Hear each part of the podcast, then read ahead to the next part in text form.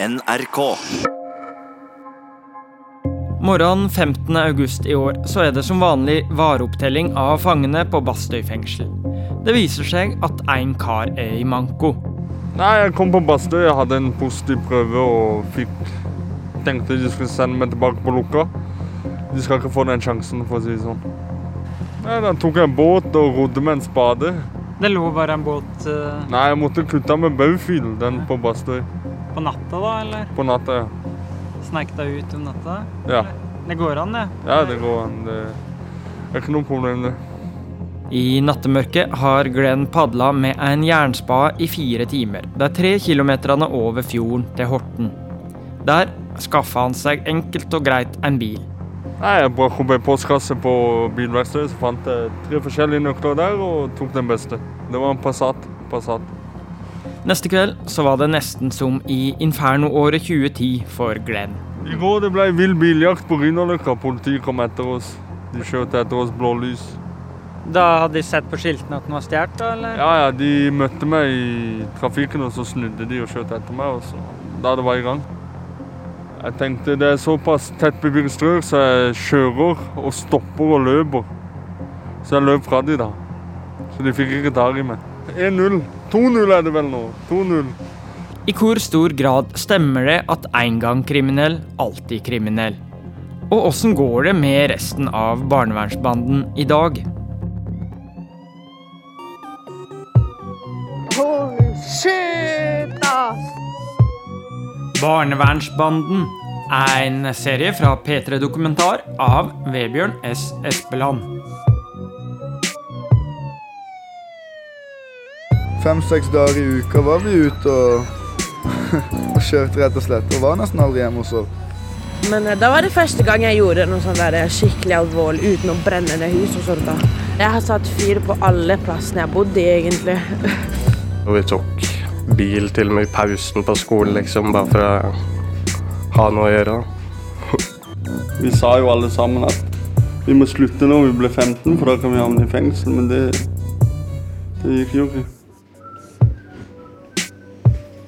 Før Glenn skal fortelle om et overraskende lungt partyliv på rømmen, så må vi høre litt om hva han har rømt fra.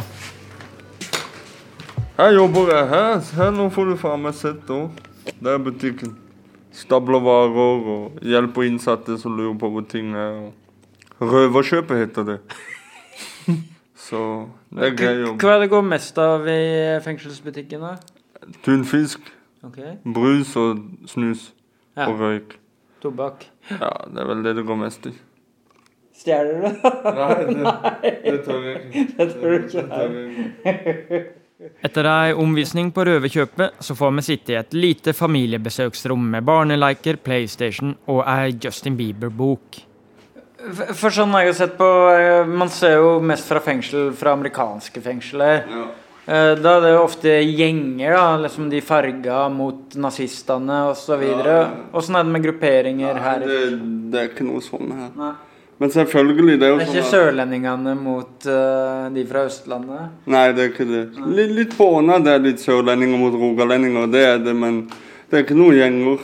Men sånn som selvfølgelig, det er mye litauere og polakker og liksom araberne er- snakker jo, for de snakker samme språk, sammen med litauere og norske. Men det er alle, de fleste er hyggelige med hverandre. Ja. Så går greit. Hva er det som skal til for at det blir slåsskamper? Som regel er det jo bare småting. Sånn for eksempel fotball. Hvis det er litt dytting og stygt språk. Det skjedde jo med meg i Stavanger òg, det. I det året vi har brevveksla, så måtte jeg flere ganger skifte mottakeradresse.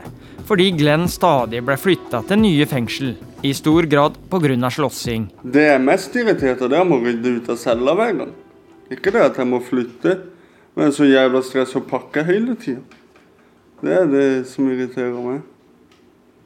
Så er det jo greit å Du har vel ikke så mye greier, har du det? Jo, det blir en del greier du sparer opp, altså. Å, ja. Og så Hva er det du har på pakkelista? Klær, bilder, eh, sakspapirer, bøker, sånne ting. Tenk på alle gangene jeg har bytta celler, kanskje 30 ganger i løpet av to og et halvt år. Du begynner å bli lei av det, altså. Mm. Så ofte jeg gidder ikke å pakke ut, for jeg vet at snart vekk. Rett og slett. Ja. Åssen bøker er det du har, da? Faktisk jeg leser Game of Thrones-bøker, for jeg syns det er jævlig fett. Så det er, det er det, og Bibelen jeg leser en del. Det er mest det. Og Så selvfølgelig magasiner og sånne ting. Hvilke magasiner? Uh, jeg liker XXL, det er rappmagasinet. Og så Vi menn og sånn vanlige ting. Side tre-piken? Ja, så hun er viktig, selvfølgelig. Se på henne før jeg begynner å lese. Hva er det beste med å sitte i fengsel, da? Hva er det beste med å sitte i fengsel? Du får reflektert over ting. Du får god tid til å tenke. Men det er ikke mye bra med å sitte i fengsel. Det er ikke det, altså. Du ser jo på besøksrommet her òg, det ser ut som en barnehage. Det er ikke så mye skremsel å sitte i et norsk fengsel. Det er kjedelig. Nå håper jeg ikke dette gjør at vi får det verre her, men det er jo det som er sannheten. Det er jo bare kjedelig. Men det er vel det som er tanken nå, da. At du, det skal være så kjedelig at uh, man ikke Ja, men så kjedelig er det ikke. Det er, det er greit. Hva er det du savner mest når du sitter inne her, da? Det er familie og damer, selvfølgelig. Det er, det er det. Men det jeg tenker mest på nå, det er å besøke grava til min far. Det er det det er det jeg sliter med nå, å vite at min mor er helt alene, liksom. Eller ikke helt alene, men hun har vært gift med en mann i 30 år, og så plutselig Og har fire barn hjemme og alltid, og så nå er plutselig alle barna voksne, og hun er i en leilighet alene. Det er det som bekymrer meg mest. Når gikk din far bort? Det var 3.6.2016. Du har ikke fått sett grava hans ennå, eller? Nei, jeg var i begravelse, men da hadde jo fotlenker og hånd, håndjern og fikk ikke sitte med familien min engang. Åssen var det med brødrene dine? Var de der òg? Ja, de var der, men de, de var frie. Så de var med for meg, men jeg måtte sitte med politiet og fikk ikke bære kista. Ingenting. Så det Det var tungt. Og åssen går det med dine gamle kompiser i barnevernsbanden nå? Nei, det, vi sender jo brev iblant, men jeg tror det går bra med flesteparten. Men mange er jo inn og ut av fengsel òg. Og, og mange er det som ikke sitter i fengsel, da? Jeg har ikke tall på alt, det har jeg ikke. Men de fleste er fortsatt kriminelle, eller? Ja, de fleste er fortsatt kriminelle, men mange er ute. Ute igjen, ute i det fri. Lenge siden sist, hvordan skal dette bli? Folk stopper og hilser, jeg kjenner ikke de. Jeg vet da faen, vært for lenge vekk fra byen. Først mur, så gitter det hodet. Noen uker seinere så møter jeg Emil, som akkurat hadde sluppet ut etter et langt opphold i spanske og norske fengsel. Og hvor lenge har du sittet i da? Altså, er 50 måneder i strekk. 50? Ja. Eh, Fire år? fire år og et par til måneder. Det går. Eh, de første ukene var veldig rart. Jeg merka det når vi gikk i marken først på en lørdag midt på dagen. Følte du ikke fikk puste. Her, her vi går nå? Ja, her vi går nå. Du merker den sosiale angsten. Du er vant til å være rundt trygge rammer. Rundt folk du kjenner på en avdeling. Til å gå ute blant masse nye mennesker og masse nye fjes. Og enten om det ligger i underbevisstheten eller i bevisstheten, så får du en svette i hendene. Får du en angst. Merker at pulsen ikke går som vanlig. Sier du det? Og det er, det er merkelig. og Det er, det er, det er soningsskaden som popper inn. Og jeg kan enda merke det i visse tilfeller. Og, og det er bare sånn det er. Det er sånn det blir. Ja, ja, sånn som nå. Nå er du jo helt tjokka i gågata i Kristiansand. Jeg gjør det. Ja. Spesielt når du går med denne mikrofonen opp i ansiktet. Ja, at folk kikker på det. Ja, vi går ned Nei, Sygata her. nei, det går helt fint. helt fint. Ikke tenk på det. Ikke stress. Sånn er det. Men Og så ser du forskjeller på folk. Åssen moten har forandra seg òg, eller? Det er akkurat det jeg sier. Jeg har vært borte såpass lenge. To av de årene var i Spania. De to neste var i Norge. Og at eh, det, det jeg har sett av mote og av smarttelefoner og apps og alt det her Jeg har aldri sett det fysisk. Jeg har aldri sett det på, på, på nært hold. Det er ting jeg har sett via TV. Så når jeg kommer ut og må få meg en smarttelefon, og folk sier 'gi meg Instagrammen din, gi meg Snapchaten din', Og jeg, aner ikke hva de her tingene er. ikke sant? Jeg får kompiser til å vise meg. Jeg spør ja, men hva faen er vitsen med å ha så mange av de her? Er det ikke nok å bare ha én? Snakker du med alle der? Nei, nei. For Snapchaten er sånn, du sender bare bilder til en person og sånn der.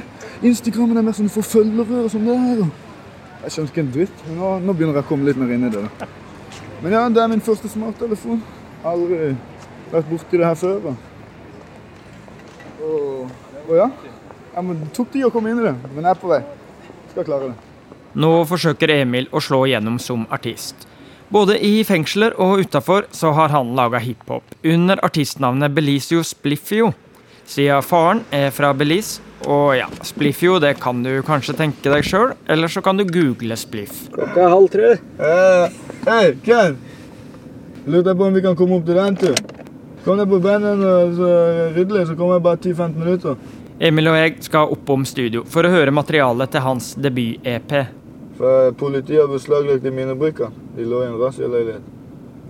De trodde sikkert de fant dyrebar informasjon. altså, Jeg ble dritforbanna. Jeg var hos kompis og sjekka i, jakka si. Faen, politiet har tatt i mine brikker. Helvete. Hvem er det vi skal til nå? Til. Ken. Han som har produsert mye av det beste som kommer fra Sørlandet. Eller alt det beste. Vågsby Handy. Ja, mye av det. Han, er- han må god kontakt med Tomatier de her i Oslo. Ja. Etter at barnevernsbanden blei splitta, så inngikk 16 år gamle Emil en avtale for å slippe mer institusjon. Og han flytta i halvannet år til faren sin i byen Eldorado nord i Argentina, på grensa til Paraguay. Så ja, jeg bodde nede der og drev med hagedesign og gartnervirksomhet. Hadde veldig mange, eller alle pallemann i, som nesten fins i verden, i det her drivhuset. Du er glad i grønt? Uh, alle pff, Det kommer an på hva slags grønt. Jeg sier Vi hadde palmer, vi hadde eksotiske planter, vi hadde masse der. Og det var vi som designa hagene i de fleste rike områdene, og vi promoterte det her. Så, så det var en god jobb der nede med godt betalt i forhold til, forhold til levekostnader eller leve. Ja. Så jeg levde ganske bra, og så bestemte jeg meg for at jeg måtte komme meg hjem og prøve meg med denne musikken. Ingen forsto meg der nede. Jeg prøvde meg på engelsk og norsk med musikk. Jeg tenkte komme meg hjem og se hva folk sier. Spansken var ikke Nei, spansken var ikke helt på topp da. Han, ble, han har blitt det nå, i senere tid. Av andre grunner. Men eh, eh, jeg kom hjem igjen. Jeg begynte å jobbe med et par produsenter og sånn og sånn. Greide å lage meg et lite hjemmestudio. Og det gikk bra de første månedene. Helt til jeg reiste på en ferie til, til Spania som ikke gikk helt bra i sommeren 2013. Og da, da gikk alt skeis. Ble det arrestert og sikta for ran og kidnapping i Spania. En påtale på 14 til 17 år. Hvordan klarte du å vikle deg inn på hva som skjedde da? En enkel misforståelse. Det er Spania. Det var, det var bare noe Det fordi du ikke kunne spansk ordentlig? Ja, ja, vi kan si det var derfor. Etter 20 måneder i spanske fengsel, så blei han overført til Åna fengsel i Rogaland. Med en gang jeg kom opp der, da, fra, fra glattcella eller fra, fra nede på isolatet, så ser jeg at det står kompis sitt navn på døra, ikke sant? Da tenkte jeg jackpot. Navnet på celledøra var Glenn. Og i fengselet på Åna så begynte de å lage musikk sammen. 195 cm høye Glenn bruker artistnavnet Lille-Glenn. Emil forteller at spanske fengsel er ganske mye hardere enn de norske. Jeg så mer blod i Spania enn jeg har sett i Norge, i norske fengsler. Innsatte slåss. Yes. Og, eh, og mye mer drama. Mer daglig drama, rett og slett. Mer slåssing daglig. Opp til venstre. Mye mer som skjer, rett og slett. Men samtidig, hvis du, hvis du hadde baller, da står du opp for det som er ditt, og ingen plager deg. Sånn er det overalt. Fikk du julinger? Jeg sloss to ganger, jeg fikk ikke juling en av gangen. Jeg hadde flaks. Jeg så andre bli jumpa, to-tre stykker og sånn, men jeg greide å finne min plass. Jumpa da? De ble hoppa på av flere stykk samtidig. De tar deg i trappa på vei til skolen. Og sånn er det. Og hvis du er en ensom ulv, så blir du fort hunta på. Det blir det. Bare fortsett. Så når jeg kom inn på den avdelinga, det var 92 innsatte på den avdelinga. Toetasjers avdelinger. Alle de skal i samme luftegård på størrelse med en basketballbane. En liten basketballbane. Se deg 92 innsatte stå sånn og ser stirrer hverandre i trynet. og det. Ordentlig amerikansk fengselsfilm? Ja, det er sånn der. Alle i forskjellige farger og forskjellige mønstre og forskjellige gjengtegn, tatoveringer, gjengtatoveringer. Det var 40% latinere, 35% ja, 30% marokkanere og resten østeuropeere og, og litt av hvert. Det var to spanjoler. En nordmann. Ja, og en nordmann. Nei, Men hvor likte du det? Hvilket fengsel har du likt deg best, da? I Spania. Ja, du gjorde det, ja. Samtidig som Men jeg er glad jeg kom til Norge, for jeg fikk utvikla musikkferdigheter og fikk fokusert mer på musikk. Noe av det jeg skal Men hvorfor likte du Spania bedre hvis det var hardere og du ikke fikk drive så mye med musikk? Uh, jeg vet ikke. Det var, det var en av hele, hele opplevelsen. Det var etter jeg kom til Åna Eksotisk? Etter jeg kom, ja, etter jeg kom til Norge, så savna jeg Spania i over det første året. Klima? De, de ble lei av meg, på kompisene mine på, på Åna. De sa Emil, slutt å snakke om Spania. Slutt å snakke om fan. Jeg refererte alt jeg gjorde. Ja, men i Spania var det sånn. I Spania var det ditt. Og det lå underbevisst. Akkurat som jeg savna det. Jeg hadde et indre savn tilbake til Spania. Og det er da du Stopp, jeg. Jeg kan parkere rett der eller langs veien her. Det er der du ser en soningsskade når du savner et annet fengsel mer enn du savner gata, for du husker ikke. Du husker ikke gata på dette huset. Hei.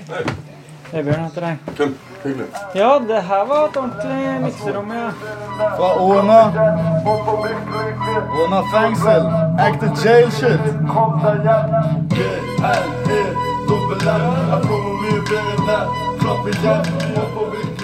Fortell litt om åssen Glenn er til å rappe, da. Glenn har et veldig talent i eh, musikk og høre musikalsk hva, hva som passer. Hvilke flows han skal bruke til forskjellige beats. Men tekstforfatninga hans kan enda bli bedre. Jeg gjør det så lett, alltid beredt. Ikke kom hit, for du vet at du taper. Du har ikke sjans, legger ned rim som en dans på Det har gått ett år siden Emil ble løslatt, og for meg så virker det som han lever et liv i limbo mellom det lovløse og det lovlydige. Jeg har møtt bekjente av han som virker ytterst tvilsomme. Og jeg har møtt venner av han som virker svært ressurssterke og streite, sånne folk som egentlig burde bli manageren hans. I løpet av det året vi har hatt kontakt, så har han i alle fall forandra seg utseendemessig. Han har klipt håret og ser mer og mer streit og sunn ut. Emil, eh, hvor ser du deg sjøl om eh, ti år, da? Om ti år håper jeg at jeg greide å kjøpe opp det som er igjen av Belize og redde det. ja, håper, håper det. Ti år. Så har jeg mottatt eh, la oss si fem-seks priser og kommet meg dit jeg håper å komme meg, og kunne gjøre de tingene jeg håper å kunne gjøre. P3 Gull. Ja, la oss se nå. La oss se hva som skjer i første omgang. Litt etter litt. Og lykke til, da. Ja, ja. Tusen hjertelig.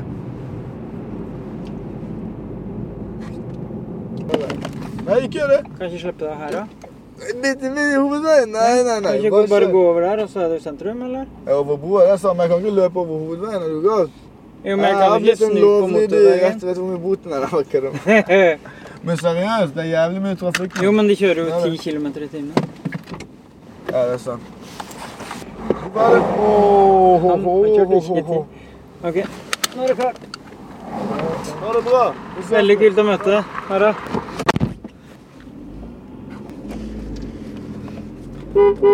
Jeg heiv han tilbake på gata igjen. Nei, men for meg så er det imponerende om Emil klarer å holde seg unna kriminalitet etter over fire år bak murene. For fengsel virker sjelden å være ei suksessoppskrift. Det kan barnevernsbandemor Linn Elisabeth skrive under på. 16 år gamle gutter dundrer vi inn i fengsel rundt forbi. Herregud, de kom jo ut med ei telefonliste så lang som et vondt år. Så de gikk jo en knallbra kriminell skole. Og for å si det sånn, du hadde kjent igjen noen av de som sto der. Kjente kriminelle. Ja visst. I fengselet så har ikke sønnen hennes gjort praktisk arbeid eller tatt utdanning. Han sitter stort sett på cella. Fram til for noen år siden så hadde Åna fengsel på Jæren et stort fjøs med mjølkekyr, og gårdsdrift og arbeidstrening for de innsatte. Det er nedlagt nå, og dyra ble slakta pga. at konkurransevilkåra ble for gode med gratis arbeidskraft. Men tror du de kommer til å slutte å gå inn og ut av fengsel? Du blir ikke kreftfri hvis du plasserer et menneske i garasjen i fire måneder. Du er nødt til å ha behandling. Du er nødt til å ha verktøy for å De guttene her har som sagt gått sine studier ifra de var 14 år. De har ikke gått på BI, og de har ikke gått på UiA, men de har gått på Åna. Og de har gått på Ringerike, og de har gått i Arendal, og de har gått i fengsel. Og de har gått den skolen, og de har blitt altså omtrent snart professorer hele gjengen. I kriminalitet. Hva så med Josef, guttungen som lærte hele barnevernsbanden å stjele biler? Guttungen som toppa Inferno i Kristiansand med ranet mot Sparebanken Pluss. I 2010 fikk jeg sånn varetektsdommer hele tida. Én måned her, tre måneder, én måned. Og så fikk jeg ett år i Bergen. Så satt jeg to år på Ullersmo. Jeg, tro jeg trodde det var sånn at når du først havna på Ullersmo, at du fikk så mye dårlige venner at Ja, det er ikke Noen prøvde å kontakte meg. Bare ja, du veit sikkert folk som driver med trenger dette, du får ut dette ditt natten og Men jeg vil slutte, liksom. Jeg gjør alt jeg kan for å slutte. Så det er ikke like lett hver gang. Hvorfor ikke? Nei, noen ganger så bruker du plutselig opp for mye penger, og så sitter du Har du ikke mat plutselig, eller Ja. Og da er det jo lett å gå til gamle vaner. Vi var mye på turer med Josef til Oslo og rundt omkring. Samme bra vennskap. Men plutselig han var vekk. Josef bare stakk. Ingen vet hvor han ble av. Ble streit? Han ble streit. Var Fy faen. Skuffa. Veldig skuffa. Han var en bra mann. Men er det litt sånn? At det er litt kjipt når folk eh, blir streite og forsvinner? Det er jo bra for de, men eh, de får jo ikke oppleve de samme tingene. Det vet jeg at de kan gjøre. Så det er jo litt kjipt, for vi var gode venner og dit og datt. Og bare drar uten å gi beskjed, ingenting, det, det syns jeg er dårlig. Vel, måten å gjøre det på, hvis du skal streite opp, kanskje. Da sier de 'takk for alle minnene', ditt og datt. Men nå jeg må kutte dere ut, da får en beskjed, skjønner du. Nå jobber jeg, skjerper meg, står på og gjør alt for å ikke havne i gamle spor. Fortell litt om hva du jobber med. da. Jeg jobber som kokk. Uh, Akkurat ferdig med kokkelinja, er det? ja, Og så, Hvor lenge har du jobba nå som kokk? begynner å bli litt over to år. Hva er forskjellen på å lage mat, sånn som du gjør nå, som kokk, og å være aktiv kriminell og raner? Du slipper jo å ha paranoia hele tida, for det første. Og se deg over ryggen hvert 50 minutt. Og kan komme hjem med ro i sjela uten å tenke på snart banker døra på, kanskje er det politi eller Og jeg fortsatt så jeg har jeg har ikke mista det helt. Så fort jeg hører noen lyder i gangen, så er det et eller annet som Pulsen får starter da med en gang man også bare Nei, jeg har ikke gjort noe, så roe seg ned igjen, da. Men Du tjener kanskje vel så bra som du gjorde da du var kriminell òg, eller?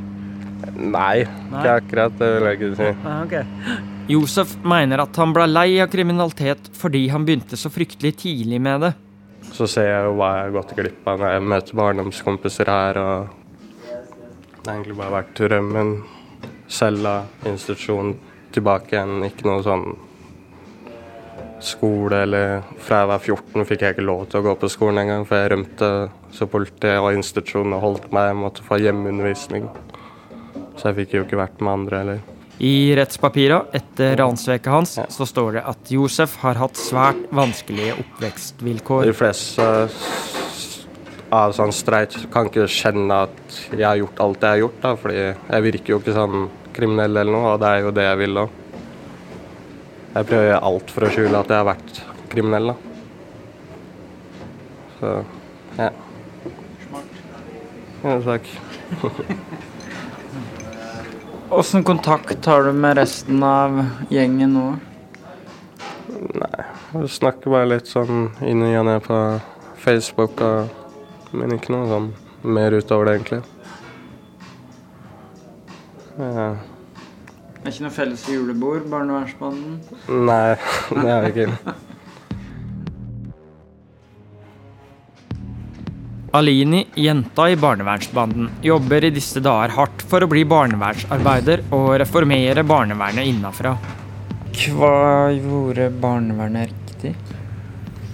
Mm. Jeg vet ikke. Jeg vet ikke hva de gjorde riktig. Jeg føler egentlig ikke de har gjort noe riktig. Men eh, kanskje de har De har jo introdusert meg til noen greie folk som har jobba på institusjon. Men eh, det var jo få av de, men det var i hvert fall noen. Ikke sant? Og det skulle jo egentlig bare mangle. Og jeg vet ikke. De har kanskje gjort meg veldig tøff person. At liksom At det har gjort til dem jeg har blitt i dag, da. Det vil jeg tro. Hvem er du i dag? Um, jeg er en veldig omsorgsfull person, og jeg har lyst til å bruke det jeg har gått gjennom, til å hjelpe andre barn og unge. Jeg har lyst til å jobbe med ungdommer som sliter med kriminalitet og sånne ting. Så ja, gjøre en forskjell, da. Være en av de gode voksne som var der for meg når jeg trengte det. I midten av september så holdt Alini foredrag under protestfestivalen med overskrifta 'Trenger barn et vern mot barnevernet'. Men, men sånn når du ser tilbake på de åra, da, eh, rundt 2010, hva er det du tenker da? Kaos. Kaos, virkelig. Det var ingenting som kunne stoppe noen. Og hvis de sto i veien, så måtte vi enten dytte de eller kjøre fra de. Det var egentlig sånn det var. Og Hvorfor ble det såpass vilt som det ble, ja, tror du? Nei, fordi vi hadde kanskje bare hverandre å støtte oss på. Vi fleste av oss kunne ikke støtte oss på foreldre og gå tilbake til de, fordi enten så fikk venner av deg problemer med politiet, eller så fikk liksom foreldrene masse politi og barnevern på døra. Og det kan jo føre til andre ting, at dine andre barn blir eh, satt fokus på med barnevernet. og Så du Det er veldig få steder du kan lande deg på å gå til, da. Jeg skal ikke gjøre denne serien til et innlegg for eller mot private barnevernsinstitusjoner. For det er nok av de private som med godt hjerte prøver å gjøre det beste for barna. Men med en gjennomsnittlig profitt på 10% så blir 400 millioner skattekroner hvert år tatt ut. Hovedsakelig til store utenlandske fond og selskap, sånn som den søkkrike svenske Wallenberg-familien. Skattekroner som er meint for å verne de aller mest sårbare barna vi har i dette landet. Jeg angrer egentlig ikke på noen ting. Jeg føler ikke jeg kunne gjort så mye annerledes. Hva tror du om framtida nå? Jeg tror den eh, ser bra ut, den. Jeg er jo smiler og er glad og veldig klar for, å, for livet, egentlig, så Du føler ikke at du har kasta bort ungdomstida eller barndomstida? Jeg følte ikke jeg kasta det bort. Den ble egentlig kanskje mer tatt ifra meg, for da måtte jeg ha fokus på ting som jeg ikke hadde trengt å ha fokus på. Hadde jeg bodd hos min egen familie. Hvordan kontakt har du med familien din nå? Jeg har god kontakt med min mor, og jeg snakker med lillesøstera mi på 16 år. Hun er jo på institusjon nå, da. Så jeg prøver jo å være så mye for henne som jeg kan. Men hun er jo i stad, da. Så hun må jo også selvfølgelig finne ut av ting sjøl.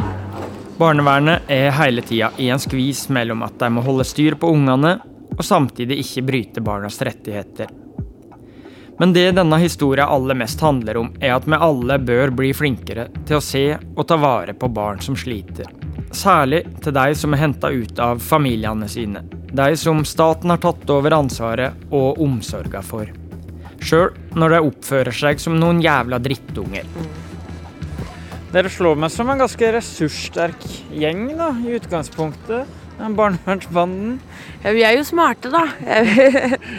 Selv om kanskje noen ler av oss og tenker bare å, fy faen, de der. Men det det er fordi du må gjøre det du må, og du får det gjennomført. Og du er ikke redd for å gjøre det heller. Og det vil jeg si det er en veldig bra Som du sier, det er en sterk ressurs. Bare vi kunne ha brukt det på noe annet, så tror jeg at veldig mange hadde hatt det mye bedre. Der er han lucky nå. Fortjent det nå. Ja, ta meg en røyk. Noe er fortsatt råttent i Barneverns-Norge. Av de 100 mest trøblete ungene i Norge, de på enetiltak, er 33 i dag plassert i Agder. Altså 33% i en landsdel med under 6% av befolkninga. Flere har pekt på at det går en rød tråd fra barnevernsbanden til jenta som i fjor knivstakk og drap ei 17 år gammel sommervikar på Sørlandssenteret. I tilsynsrapporten av det private selskapet som skulle verne jenta, så sto det Ansatte var ukvalifiserte. Bemanninga ikke tilstrekkelig. Det mangla kvalifiserte miljøterapeuter på nesten halvparten av dagene. Jenta ble nekta helsehjelp, og lova ble brutt når det gjelder tvang.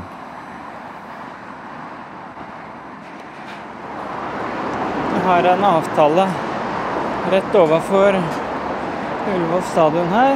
Nå går jeg over Ring 3, Gangburua.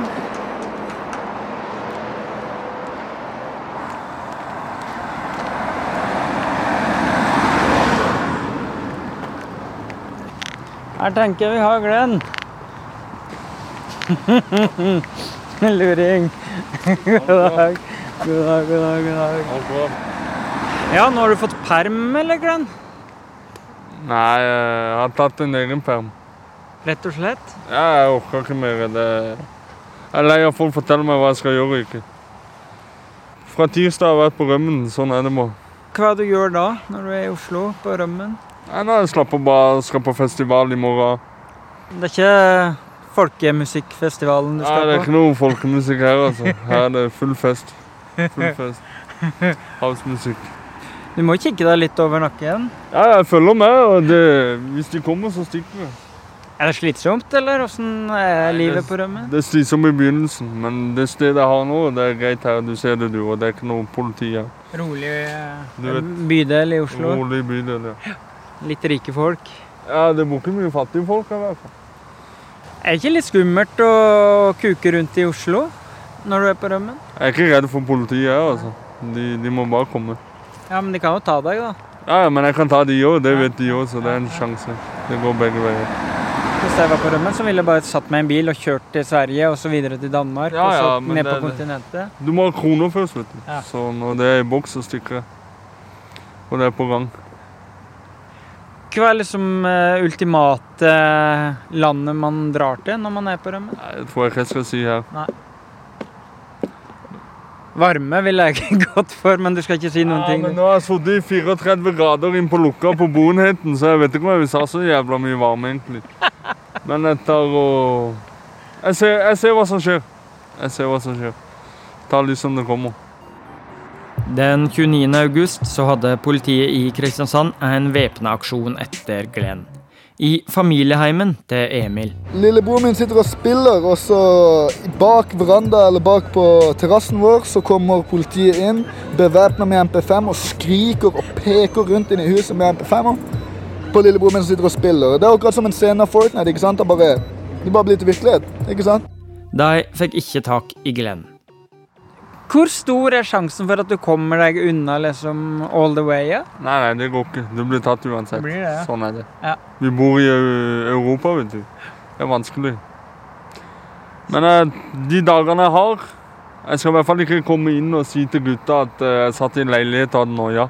Jeg skal si jeg var på konserter, jeg gjorde ditt. eh. Jeg har noe å fortelle om. Ikke sitte og ha noia. Hvor lenge ser du for deg at du kan være ute? Hva er målet? Til vinteren begynner. Såpass, ja. Det er målet. ja. ja. Det er det. Men nøkternt sett, da, hvor lenge tror du du klarer? Jeg må jo være optimistisk til vinteren. Jeg skal klare til vinteren. Ja. Jeg skal det. Er ikke lurt liksom å skifte stil, ta på seg parykk, eh, briller, sånne ting? Nei, Det blir for mye å holde på med, vet du. Jeg tenker sånn at når du går rundt og har noia, da har du for dårlige vibber. Skjønner du hva jeg mener? Hvis du går rundt og har gode vibber og tror at alt skal gå bra, da går det som regel greit. Jeg møtte jo på en fengselsbetjent tilfeldig i Lille, Lillehammer sentrum. Og han ser på meg og sier 'Å ja, Glenn, du er, du er ute på tur', ser jeg. Så jeg er på tur, og så Så du må bare ta det som det kommer, ikke sant? Blunke litt? Ja, ja. Bare sm smil og vink, vet du. Ikke så mye annet å gjøre. Ja, så hva er planen i kveld? Dette kommer jo ikke ut på en god stund, så jeg skal fa faktisk på findings i dag.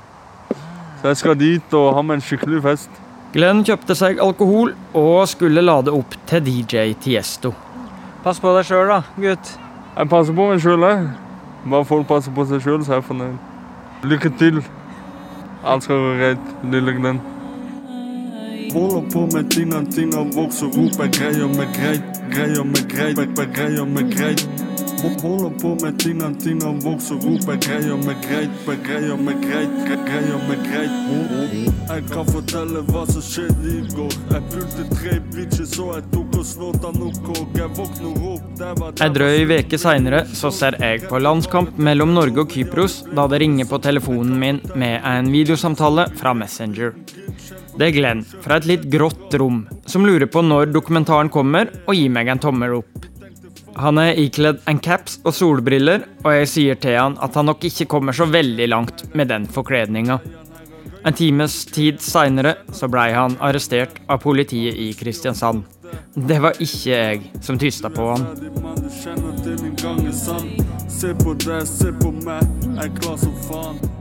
Ja, i går så uh, pågrep eh, politiet uh, den uh, omtalte etterlyste mannen i Kristiansand sentrum på, på et hotell her i byen.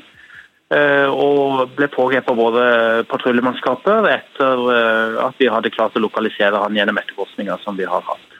Dermed må Trulle Glenn sone ut hele straffa for en svært grov voldssak. For etter et tåkete nachspiel med bl.a. MDMA, så banka han og andre opp en mann, som de hevda hadde hatt et forhold til ei yngre jente han var i slekt med. Noe som retten avviste. Gjengvolden var forferdelig grov. Offeret blei påført hjerneblødning og brudd i ribbein, nese, underkjeve og kinnbein. Og til slutt så stakk en av gutta en plastslange opp i anus på offeret. Teknisk sett ei voldtekt. Glenn vil først slippe ut i 2023. Men du, du starta med å si at du ikke angrer på noe av det du har gjort. Ja. Noe angrer du vel på? Jeg angrer på sånn jeg gjorde innbrudd i husene til folk. Det angrer jeg veldig på.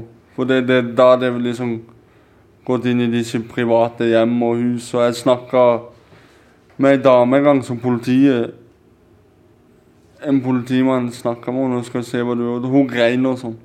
Det angrer jeg på. Fortalte jeg sist år. Og det angrer jeg faktisk på. Men generelt så angrer jeg ikke på, på det jeg har gjort utenom de episodene. Og det slutta jeg med etter den samtalen. Men, men sånn som Sånn jeg tenker, da, mitt syn på krim, at innbrudd og sånt nå er jo kjipt, men det jeg syns er mest kjassent, er sånn vold og uh, slå ned og skalle og sånt noe. Hva tenker du? Aldri slått noen som ikke har fortjent det. Aldri.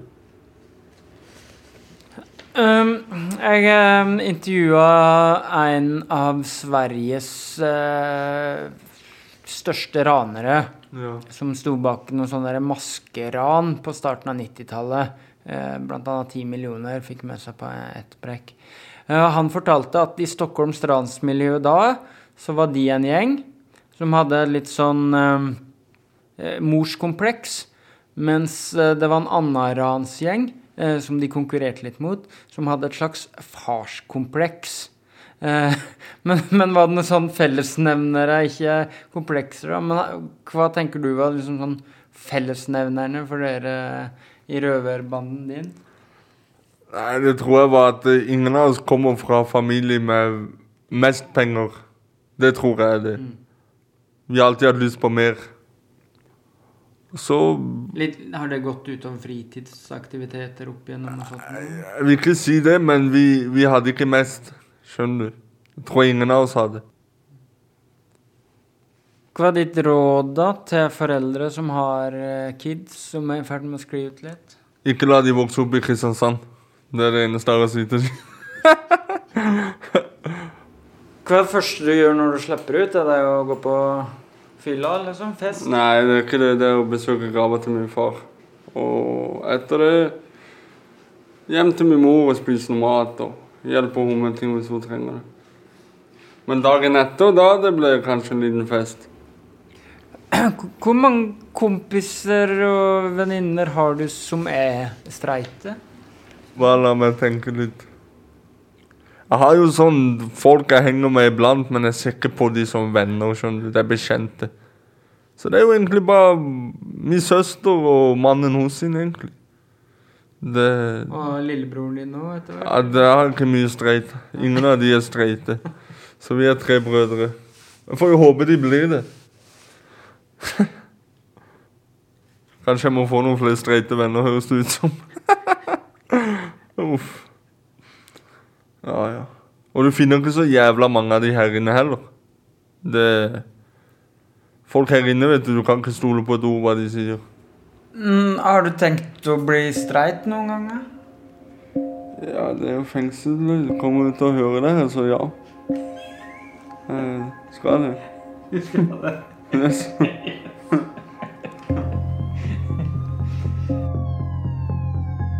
Blant de som har hjulpet meg til å lage denne serien, er lyddesign Hilde Rolfsnes, komponist Marius Christiansen, konsulenter Kari Hesthamar, Stine Melbø, Line Orfjell og resten av P3 Dokumentar, Doms Research, Ingeborg Rygg Hjorten, musikk Belisius Bliffio og Lille Glenn.